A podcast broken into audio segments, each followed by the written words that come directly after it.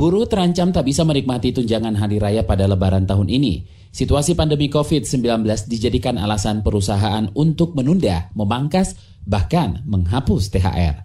Berikut cerita keluh kesah para buruh yang dirangkum tim KBR dibacakan Reski Mesanto. Didi harus rela menelan pil pahit corona. Perusahaan percetakan tempatnya bekerja selama 11 tahun terakhir harus tutup sementara.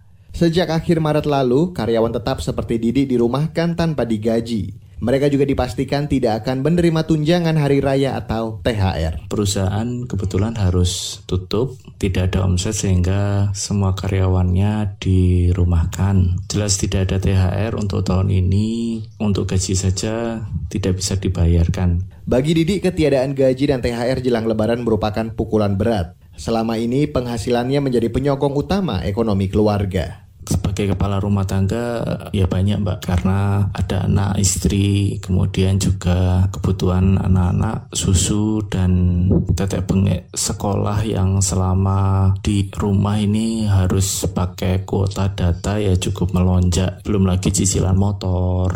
Saban tahun THR Lebaran selalu dinanti karena bertepatan dengan kegembiraan hari raya. Namun, kali ini Didik sekeluarga mesti berlebaran dalam keprihatinan. Terutama di tempat saya bekerja itu, THR itu ada satu yang dinantikan. Karena perusahaan memberikan THR sekaligus bingkisan dan biasanya juga ada bonus itu membantu sekali. Selama dirumahkan, Didi mendapat sedikit bantuan dari perusahaan untuk kebutuhan sehari-hari uh, yang memang tidak bisa mencukupi tapi disyukuri itu bisa membantu dapur tetap bisa mengepul. Meski berstatus karyawan tetap, Didi terancam terkena PHK jika kondisi perusahaan tak kunjung membaik. Informasi terakhir dari perusahaan memang sifatnya ini sementara. Perusahaan memiliki kemampuan untuk membiayai kami dengan bantuannya ini sampai di Juni 2020 tapi kalau wabahnya tidak selesai di Juni 2020 kemungkinan besar kami semua akan di PHK oleh perusahaan Nama gue Selfie kerja di perusahaan konsultan public relation. Nasib Selfie sedikit lebih beruntung. Karyawan perusahaan konsultan public relation di Jakarta ini masih menerima THR.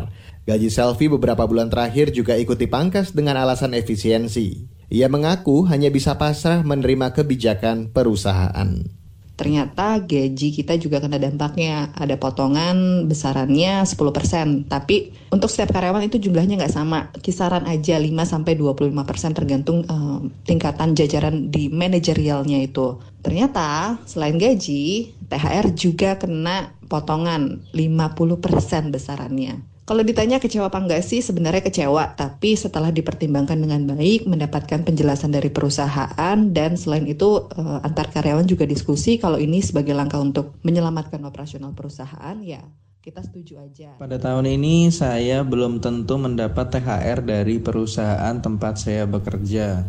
Lain halnya dengan Renov, karyawan di sebuah media nasional. Ia masih menunggu keputusan perusahaan tentang pembayaran THR.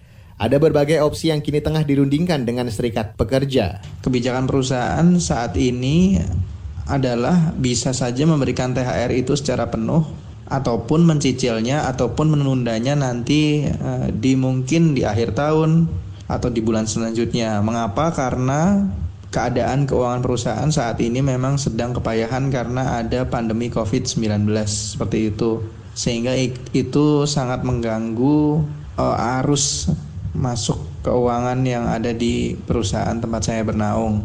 Renov berharap THR dibayarkan penuh dan tepat waktu.